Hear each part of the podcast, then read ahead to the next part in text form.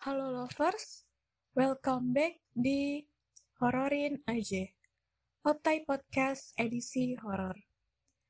Di episode kali ini, gue akan menceritakan tentang belasan makhluk goib, gondorwa tinggi atap, misteri siluman, hingga petunjuk dari sosok kakek kepala buntung yang meneror kerja di kantor baru. Atau bisa gue singkat judulnya yaitu Rumah Sisik. Sebelumnya gue mau disclaimer dulu. Gue ngambil cerita ini dan gue membacakan cerita ini dari tweet at zero point.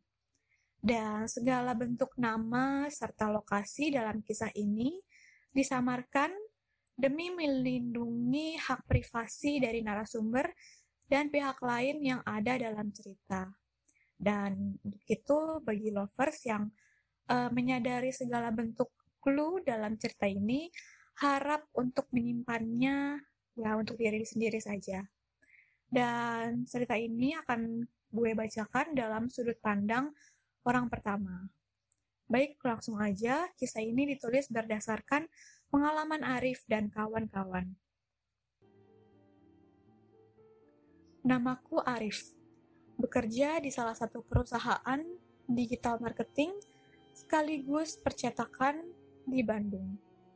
Semula kantorku berdomisili di kota Bandung, tempatnya di sekitaran daerah Lengkong, dan ya sebelumnya akhir-akhir e, baru-baru ini kami berpindah ke wilayah Bandung Timur.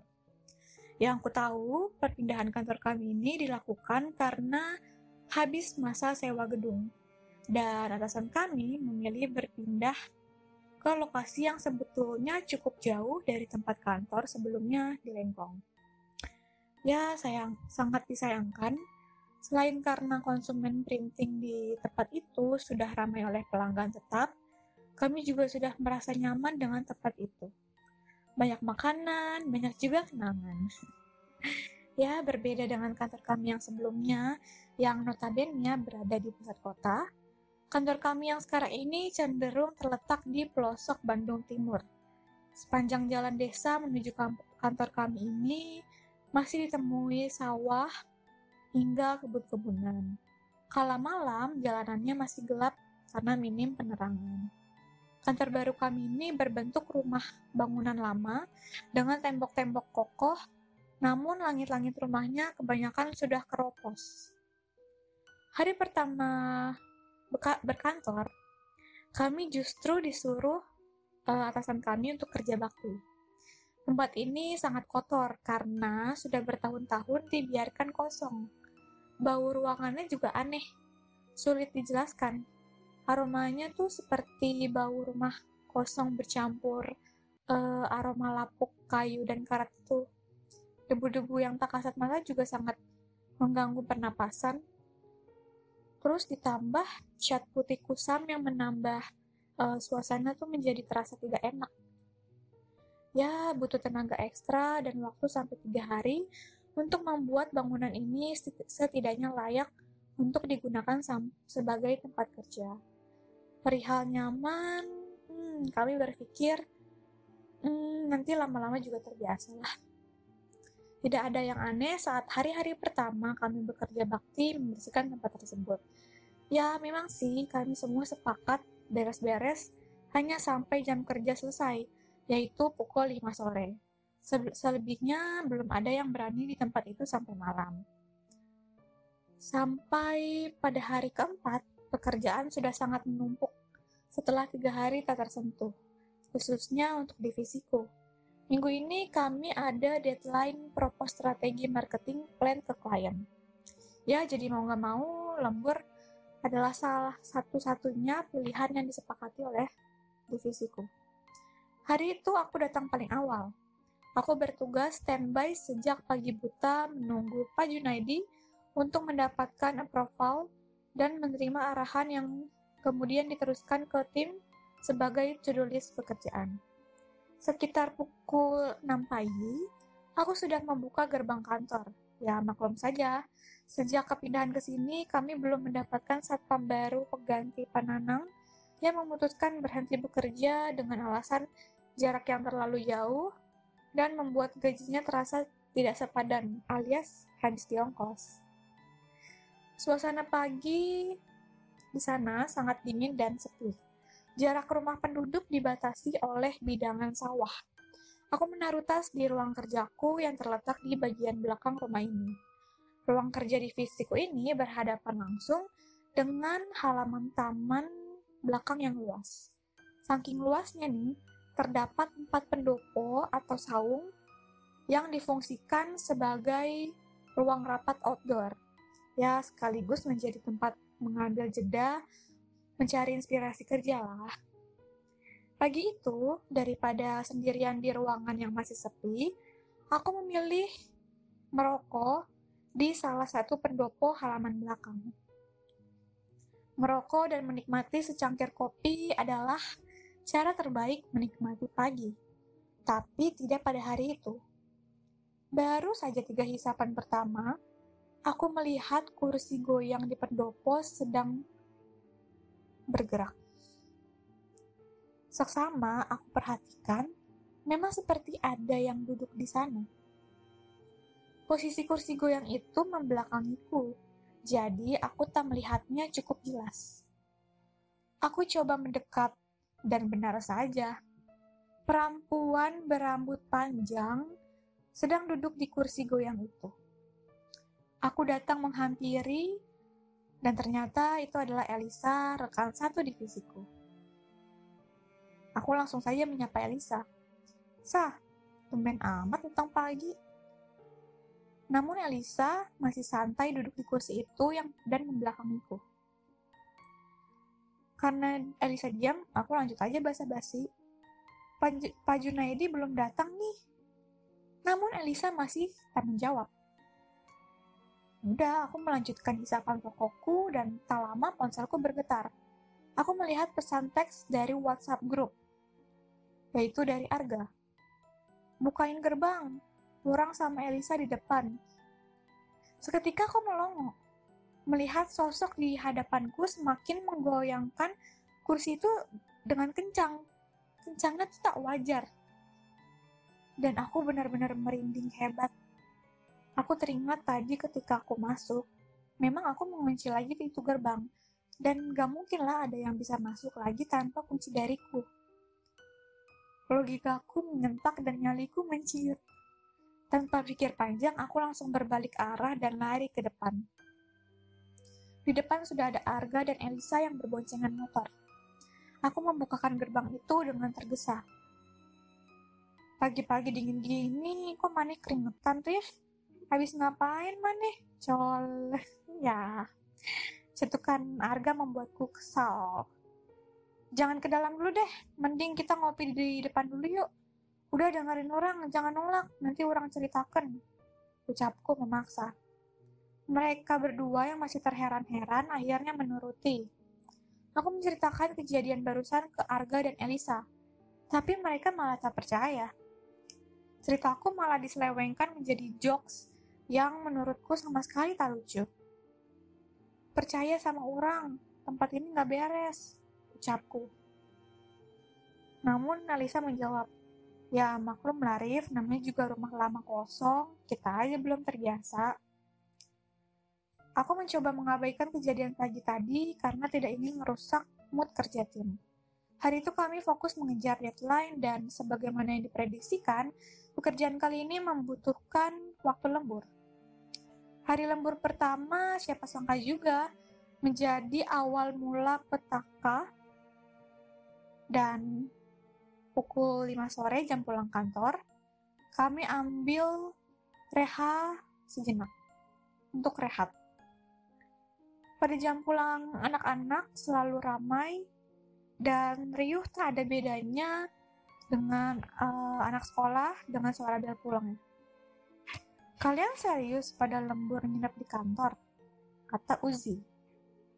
Ya, gimana lagi? Aku membalas ucapan Uzi. Lalu Uzi meledek kami.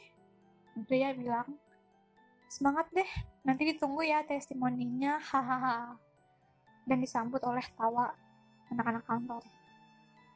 Mereka bubar kantor dengan cepat. Aku pergi ke pendopo untuk merokok. Seketika aku teringat dengan kejadian pagi tadi yang rasanya sosok itu benar-benar nyata. Arga menghampiriku.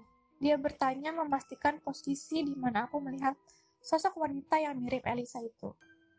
Aku menunjuk ke kursi goyang di pendopo seberang tadi, yang posisinya tidak berubah sejak tadi pagi. Orang percaya sama Maneh, cuma orang gak mau anak-anak yang lain pada panik. Nanti malam ada dua cewek yaitu Elisa dan Hana. Kalau bisa sih perhatiin mereka, apalagi si Hana itu kan sensitif orangnya, kata Arga. Oh ya, Arga ini merupakan tim leader divisi kami. Dan uh, total yang menginap lembur malam ini ada lima orang, yaitu aku sendiri, lalu ada Arga, Oga, Elisa, dan Hana. Kami semua sudah sedia persiapan lembur menginap. Apalagi para cewek-cewek. Mereka seperti bawa banyak pakaian dan cemilan seperti orang mau camping. Malam hari, kantor ini sudah sepi dan gelap. Beberapa spot ruangan belum dipasangkan lampu. Sensasi berasa berada di rumah tuanya ini sungguh terasa kala malam. Gila boy, ini sih lembur rasa uji nyali kata Oga. Udah, jangan ngomong sembarangan, kata Arga. Pukul 8 malam, Oga tanpa segan-segan memutuskan untuk mandi karena merasa suntuk katanya. Setelah mandi yang cukup lama, kurang lebih hampir satu jam, Olga baru balik ke ruangan dengan celotehan heboh. Dia menuduh kami mengerjai dia dengan memainkan saklar lampu. Oga bilang kayak gini, Gak lucu tau gak? Mainin lampu kamar mandi. Nanti kosret baru tahu rasa. Lalu kami semua saling menoleh satu sama lain. Kita menjelaskan bahwa sedari, sedari tadi, kami berempat tuh gak keluar dari ruangan ini. Tapi si Oga gak percaya karena dia merasa dia mendengar suara langkah kaki saat dia berteriak memanggil namaku dan juga nama Arga. Gak lucu sumpah bercandanya, Terus siapa tadi yang matiin air aneh? Parah sih orang lagi sampoan juga, katanya si Oga. Terus aku balas aja. Enggak, mesin air aja nggak tahu kita di mana. Boro-boro mau ngerjain teh. Kemudian suasana menjadi hening. Oga mulai melunak dan percaya setelah melihat ekspresi kami semua yang benar-benar serius. Akhirnya Aga mengakhiri perdebatan dan mengalihkan ketegangan dengan mentraktir kami makan malam yang dipesan via ojek online. Kami pun lanjut bekerja sembari menunggu makanan tiba. Rasanya udara di sini terasa sangat dingin menembus ke kulitku. Tapi sebaliknya, keringat menetes deras di kening Oga. Dia juga terus menggaruk-garuk kulitnya karena merasa gatal. Oga yang mengeluh kegerahan memutuskan untuk bekerja di pendopo halaman belakang. Biar dapat angin sekaligus sekalian bisa merokok, katanya. Tak ada yang menahan, Oga pun keluar membawa laptopnya. Berak! Suara ketikan keyboard dari tiap-tiap laptop terhenti begitu mendengar suara karus besar terjatuh dari ruang tengah. Paling Oga nggak bisa diem dia celetuk Hana. Tak lama berserang, terdengar suara langkah kaki berlari-lari di, di ruangan tengah. Kami menatap satu sama lain. Sesungguhnya kami tak yakin kali ini ulah Oga, karena suara langkah kaki itu cukup ramai, seperti suara anak-anak um, sedang bermain lari-larian lalu menjatuhkan beberapa barang. Mendengarkan hal tersebut, kami hanya saling menatap. Tak ada dari satupun kami yang berani berbicara membahas soal suara-suara tadi. Hana dan Elisa merapatkan kursi mereka satu sama lain, menjadi lebih berdempetan. Udah lanjut kerja aja, kata Arga. Suara langkah lari-lari itu kini berpadu dengan suara anak kecil tertawa riang. Suara itu terdengar jelas menggema. Kami semua terdiam, Mau orang periksa? Tawarku. Kata Arga, jangan udah, semua di sini aja lanjut fokus kerja. Ya, aku pun menyetujuinya. Lagi pula, sebenarnya kalaupun harus memeriksa ke depan, aku tidak mungkin sendiri. Ya, minimal panggil Olga lah untuk ikut menemani. Suasana malam itu benar-benar mendadak gak enak banget. Hana pun mulai mengeluh, merasa punggungnya terasa berat. Dia terus-menerus mengusap tengkuk lehernya. Aku merasa di sini situasi situasi makin tidak beres. Tok tok tok. Pintu ruang kerja kami terketuk keras. Semua menatap satu arah ke pintu. Tok tok tok tok tok tok. Ketukannya semakin keras dan bertempo cepat. Arga bangun dari kursinya, dia berjalan perlahan menuju ke arah pintu. Sekali lagi Arga menoleh menoleh kepada kami yang menyaksikan dengan wajah tegang dari kursi masing-masing. Kulit Arga menarik nafas panjang, kemudian membukakan pintu dalam sekali sentakan. Kita semua kaget melihat Oga bermandikan keringat dan tubuhnya gemetar. Oga! Kami semua kaget. Nampak bentol-bentol merah sangat banyak di kulit Oga. Napasnya terengap-engap. Oga seperti orang yang ingin bersuara namun gagap dan tertahan. Air, cepat air! Teriak Arga. Elisa dengan sigap memberikan satu gelas air mineral. Air itu diminum Olga dalam sekali tegukan. Nafas Olga masih terengah-engah seperti orang habis lari maraton. Olga, mari tenang, tarik nafas. Arga menenangkan. Setelah nafasnya lebih teratur, Arga menggiring Olga untuk duduk di kursi. Kemudian satu pertanyaan dari mulut Arga keluar, mewakili semua kepala. Kenapa? Olga menjulurkan tangan padaku isyarat meminta satu gelas air lagi. Aku ambilkan. Dia minum, dia meminumnya lagi-lagi dalam satu kali teguk. Elisa, jujur sama aku. Tadi kamu ke belakang nggak? Tanya Oga. Elisa menjawab dengan menggeleng. Enggak, enggak. Dari tadi kita semua nggak ada yang keluar dari ruangan ini. Timpal aku. Kan sesuai dugaanku, kata Oga. Dia mengusap dada-dadanya sendiri, dan kami semua menatapnya dengan tegang. Tadi orang ngeliat Elisa di kursi goyang pendopo pojok. Orang panggil nggak nyaut. Orang deketin juga nggak nengok. Diajak ngobrol diem aja. Nah, Orga, si Oga mulai cerita. Nah, jadi begini, karena penasaran, si Oga menghampiri Elisa yang duduk di kursi goyang. Namun Elisa tuh nggak nggak menjawab ketika disapa. Dan posisi kursinya itu membelakangi Oga. Tiba-tiba bergerak mengayun lama-lama ayunannya semakin kencang, kencangnya nggak wajar gitu loh. Dan Oga mundur beberapa langkah setelah mendengar Elisa yang terayun kencang di kursi justru malah ketawa aneh. Ketika berbalik badan ingin berlari, langkahnya terhenti dan tubuhnya mematung ketika melihat penampakan di lorong toilet yang terletak persis di hadapannya berdiri tegap. Makhluk hitam setinggi atap lorong sampai kepala makhluk itu agak merunduk karena terlalu tinggi. Badannya besar berbulu berbulu lebat. Matanya merah menatap tajam ke arah Olga. Dirinya ingin berteriak, namun lidahnya mendadak keluh dan lehernya menyempit seperti ada yang mencekik. Sekujur tubuhnya semakin gatal dan mulai nampak jelas benjolan-benjolan merah menyebar di permukaan kulit Olga. Wanita berwujud Elisa di belakang Olga tertawa semakin keras. Terdengar suara langkah menyeret dari arah belakang mendekatinya. Olga sulit menoleh. Tubuhnya benar-benar mematung, namun bisa dia pastikan langkah itu bersumber dari wanita berwujud Elisa yang mulai mendekatinya. Astagfirullahaladzim, dalam batin Olga menyebut kuat. Dia mengumpulkan sisa-sisa keberanian dan tenaganya untuk menggerakkan tubuh dan berlari sekencang-kencangnya menuju ke ruang kerja tempat rekan-rekannya berada. Sepanjang langkahnya menuju ruangan, Olga tidak bisa teriak. Lehernya semakin terasa menyempit. Bahkan dada Olga semakin terasa sesak. Dia mengetuk keras pintu ruangan dan setelah beberapa saat dia diabaikan, beruntung Arga segera membukakan pintu. Satu tebukan dari Aga ke punggung Olga seolah membuka jalur nafasnya hingga Olga terbatuk-batuk kemudian diberi air. Orang udah mulai curiga kalau itu bukan Elisa. Pas dia mengayun kursinya cepet banget. Dan ketawanya bukan, pokoknya bukan ketawa Elisa banget dah.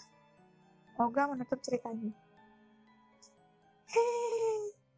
Terdengar suara wanita tertawa menggema dari arah halaman belakang. Kami semua sontak saling menatap tegang. Duh, pasti si cewek yang nyamar jadi Elisa tadi tuh. Celetuk Oga dengan suara gemetar.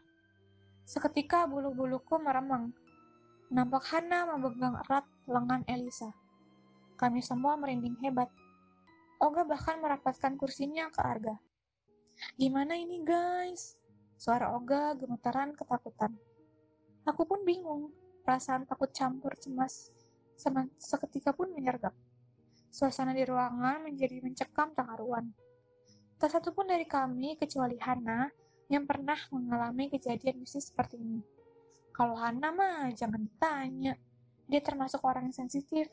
Seringkali dia izin kantor, ya alasannya sakit karena habis kerasukan keberadaan Hana justru salah satu yang paling mengkhawatirkan uh, saat ini. Wanita itu tak henti-hentinya ketawa. Kali ini suaranya terdengar semakin dekat dan tertangkap telinga suara langkah kaki menyeret. Kami semua menunggu makhluk itu sepertinya mendekat ke ruangan kita dari arah halaman belakang. Kami semua hening dan dalam ketakutan sama-sama menyimak suara misterius yang menebar ancaman itu. Suasana ruangan menjadi panas. Keringatku menetes deras dari kening. Aduh guys, sudah nggak udah gak beres nih. Aku udah lemas banget. Hana mulai merengek ketakutan. Suara tawa itu menjadi semakin nyaring. Der, der, derap langkah menyeret pun terdengar semakin mendekat. Jantungku berdebar lebih cepat dari biasanya. Cemas menanti apa yang berikut terjadi. Hana menangis ketakutan. Harga pun mematung seperti menemui jalan buntung. Dak! Lampu bohlam LED 15 watt yang baru kemarin kupasang seketika meledak. Ruangan kami gelap total. Kami semua terkejut. Dan suara jeritan panik pun pecah. Keluar! Komando Arga disusul oleh lari seribu langkah menuju ruang tengah.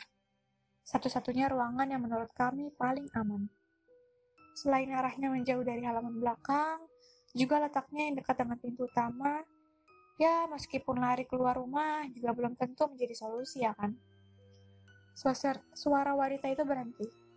Kami menghela napas lega, namun badan kami melemas, kaki-kaki kami gemetar, tubuh kami semua bersandar ke sofa. Hawa masih terasa panas. Bajuku sudah lepek oleh keringat. Aku sholat dulu, kata Arga. Dia menjadi orang pertama yang mengambil inisiatif. Arga sholat di salah satu ruangan dekat ruang tengah yang memang dialihkan fungsi sementara menjadi tempat sholat. Sayangnya, sajadahnya baru ada satu, jadi kami tuh kalau sholat harus bergantian. Sampai tiba giliranku sholat, Aku mengambil wudhu di kamar mandi dalam ruangan. Ruangan ini lampunya sudah redup, jadi agak remang-remang gitu. Aku berupaya mengumpulkan sisa-sisa keberanian dan mengusir segala pikiran negatif yang menyelimutiku. Baru saja takbir pertama, aku merasa di belakangku cerita ini akan gue lanjutkan di part 2. Sekian dulu hororin aja episode kali ini. Sampai berjumpa di part 2, yaitu di minggu depan. Terima kasih yang telah mendengarkan dan see you lovers. Bye.